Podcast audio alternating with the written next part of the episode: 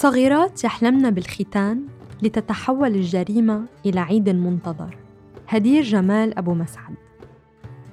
الختان جريمة نص على عقاب مرتكبها القانون المصري أو أي قانون يعترف بحقوق الإنسان سواء كان المرتكب طبيباً أم السيدة التي تختص في أمور النساء الداية. ولا شك أيضاً بخطورة تبعات هذه العملية المشحفة على ضحاياها على أجسادهن الغضة ونفسياتهن الهشة. ولكن كيف تنتقل هذه القناعة من الأم إلى صغيرتها التي لا تتعدى تسع سنوات في معظم الأحيان بشكل سلس وبسيط بشكل مثير للتعجب؟ كيف تتحول الصغيرة إلى مؤيدة لعملية تشويه عضوها التناسلي مؤيدة لنسفها وتشويه روحها للأبد كهذا؟ كيف تنتظر اليوم الذي سيقطع فيه جسدها بشغف طفولي؟ كيف تتحول الجريمة داخلها إلى عيد منتظر؟ هند عبد الرحيم تسع سنوات لا يتعدى وزنها العشرين كيلو على ما أذكر. أكاد أفقد وعيي حين أستعيد شكل تلك الصغيرة الناعم إلى أقصى حد وخبر ختانها يتسلل إلى أذني. قدمت لي يومها والدتها قطعتي شوكولا. وحين سألتها عن المناسبة قالت وعيناها ترقصان من الفرحة. طهرنا هند يا أستاذة. كنت أعلم جيداً أن ظاهرة الختان ما زالت موجودة بالأخص في مجتمع ما زال متمسكاً بكل العادات والتقاليد الموروثة بالذات العادات التي تخص المرأة. لكن ما كنت أجهله أن الختان قريب مني إلى هذا الحد قريب جداً كأنه إحدى ستائر البيت أو مزروعات البلكونة. ما زالت هذه العائدة قائمة بقوة رغم كثرة الحديث عن مخاطرها وعرض ضحايا هذه الجريمة أمام الرأي العام وتجريمها قانونياً. ما زالت طقساً ريفياً لا يخلو منه أي بيت فيه في فتاة. هذا ما تيقنت منه بنفسي ولكن الأمر الذي أثار تعجبي هو تصالح الفتيات الصغيرات مع هذا الجرم أو كيفية جعلهم متصالحات معه من قبل الأهل. ظلت صورة هند الصغيرة عالقة برأسي طوال ذلك اليوم. صرت أتخيل جسدها النحيل الغارق في بيجامتها الملونة بلون الدم وجديلتها الرفيعة الطويلة مقطوعة ترقد قربها كجثة. عشت يوما أتخيل تفاصيل ضعفها وقلة حيلتها. حتى ساقني شعور الألم من أجلها والأسف على ما حدث لها لإحضار هدية صغيرة وزيارتها. كانت دمية باربي التي تعشقها كل الصغيرات. وددت أن أترك في ذاكرتها التي تشوهت بالختان بقعة ضوء صغيرة. استقبلتني والدتها وعلى وجهها حيرة واضحة بسبب زيارة الغريب. سألتني إن كنت بحاجة لها اليوم لتساعدني في أعمال المنزل فأجبتها بجملة واحدة. فين هند؟ جلست في صالون بيتهم المتواضع وحولي ثلاث فتيات أصغر من هند. رحت أتخيل مصيرهن حين يبلغن سنوات هند. قطع شرودي أخيرا دخول هند للصالون. كانت منتصبة العنق. جديلتها تحولت إلى تسريحة الكعكة. نظرتها الشامخة تكتسي بالكبرياء. سلمت علي بيد ثابتة شعرت حينها وكأنني أسلم على سعاد والدتها وكأن طفولتها قطعت مع الجزء المقطوع في الختان.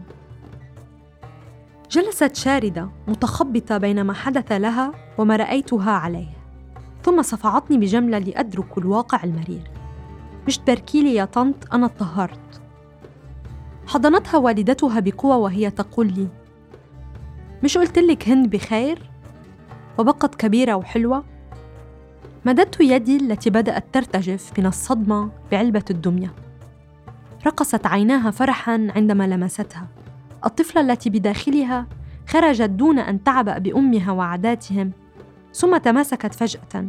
شكرتني ومدت يدها باللعبة لإخوتها مبررة لي وهي تبتسم بكبر مصطنع.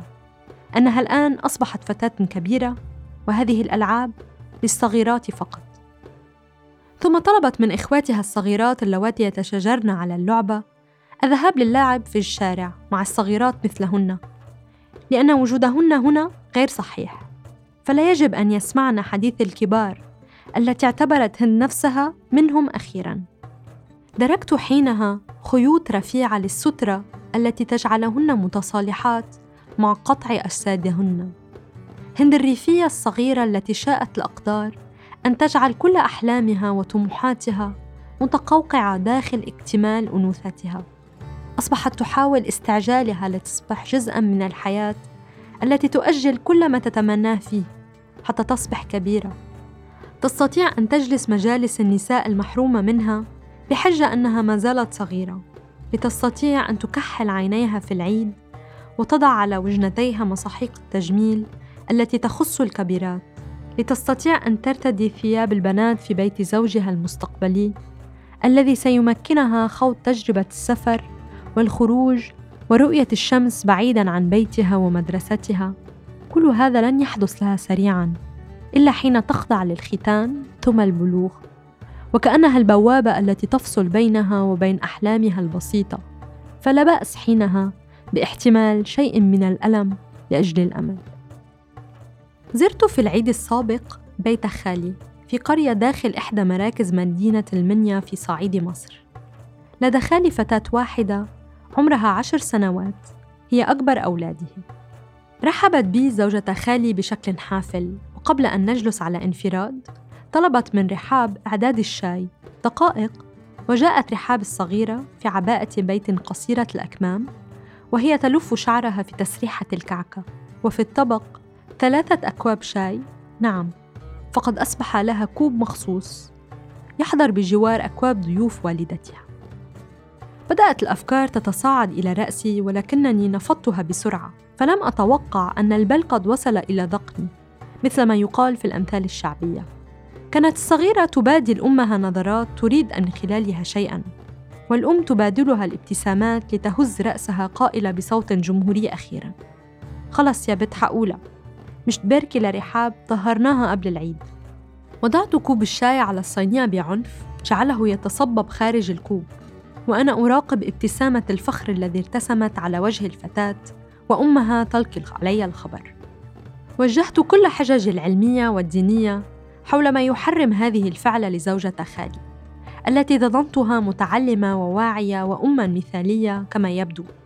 فهي معلمة مدرسة في أول الثلاثينات وهذه الأفعال لا تليق بمن مثلها متعلمة ومعلمة وصغيرة السن وأفكارها منطقية بين حجج دفاعها غير المنطقية التي تختمها كل مرة أنسف لها حجتها بالمنطق. دي عاداتنا وبعدين دي نظافة للبنت وبعدين ما هي زي الجن قدامك وبعدين ما أنا وأمك وخالاتك وعماتك وعيالهم أطهرنا وعايشين زي الفل وبعدين؟ لم تؤذني حقا كل حججها بقدر ما آذاني ما صبته على أذن رحاب بصوتها الثابت. أنا كنت حزعل من ماما عشان أنا الوحيدة في أصحابي اللي ما كنتش اتطهرت. وأنا مش كبيرة ولا إيه. في حملة توعية ضد ختان الإناث عرضت على مديرتي أن نتبنى الموضوع في الريف لأن هذه الظاهرة لا تتواجد في المدينة بكثرة. فقصت لي حكاية بنت أخت زوجها. التي تعيش في إحدى قرى وجه بحري في مصر على سبيل يأسها من محاربة هذه العادة. الفتاة تدعى علا وبشكل ما حصلت على زوج ثري من الخليج وكانت زيجتها هي الأفضل بين زيجات العائلة كلها. وأصبحت الصغيرات في العائلة ينتظرن يوم ختانهن حتى يفزن بعد سنوات قليلة بعريس من الخليج ثري مثل عريس علا. الذي فضلها عن بنات بلده لأنها مختونة بالتأكيد لكونها مصرية. لم تعد تتوقف مأساة هذه العادة البشعة على من يقوم بها ومن يتقبلها ويسعى لها فقط في مصر بل وصلت إلى حد تكوين جمهور مؤيد لها حتى في بلاد العربية المجاورة التي لم تدرج هذه العادة فيها. وبرغم تطور وسائل الإعلام وانتشار ثقافة تصحيح العادات السلبية في كل مجتمع وانفتاح العالم بأكمله على بعضه وتدخل الجمعيات النسوية وحقوق الإنسان بشكل أكبر وأكثر تأثيراً في المجتمع. إلى أنك ستجد من يستطيع خلق منحى غير مقبول بالمنطق أو العلم قد يكون مبنياً على هواجس أو تصورات شخصية ليبارك هذه الجريمة. فقد عانت طويلا وبشكل غير معقول الطبيبة المصرية جيلان خضر التي تعمل طبيبة بشرية في إحدى الدول العربية بسبب السؤال المتكرر لها عن حقيقة كونها مختونة أم لا. وحين كانت تجيب بلا كانت تصعقها مفاجأة أن هذه العادة غير الموجودة في هذه الدولة التي تعمل فيها يحبذها أهل البلاد ويباركون من يفعلها. وكانت مفاجأتها تزداد حين يوجه هذه المباركة طبيب أو طبيبة مثلها بحجة أنها عادة جيدة تعمل على الحفاظ على المرأة أما عن رأي الرجال وبشكل أوضح الرجل الأكثر تصالحًا مع نفسه أو ربما الأكثر جرأة فكان يعبر عن حقيقة إعجابه بهذه العادة كونها تساهم في إطالة مدة وصول المرأة إلى النشوة الجنسية كما رسخ في اعتقاده الذي يشبه تصورات مراهق عن الجنس نتيجة حكايات من حوله.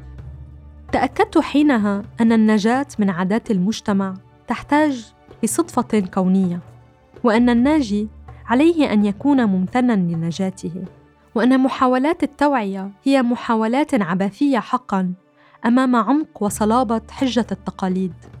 فالأمر أصبح أكبر بكثير من كونه سلب جزءا من جسد المرأة بطريقة قاسية. كبير ومعقد لدرجة أنه جعلها تقبله وتنتظره وتتمنى حدوثه. تساومهن العادات المتخلفة على حقوقهن البسيطة جدا في الحياة. فيرضين بقطع جزء من أجسادهن ليحيا ما تبقى منه حياة شبه كريمة.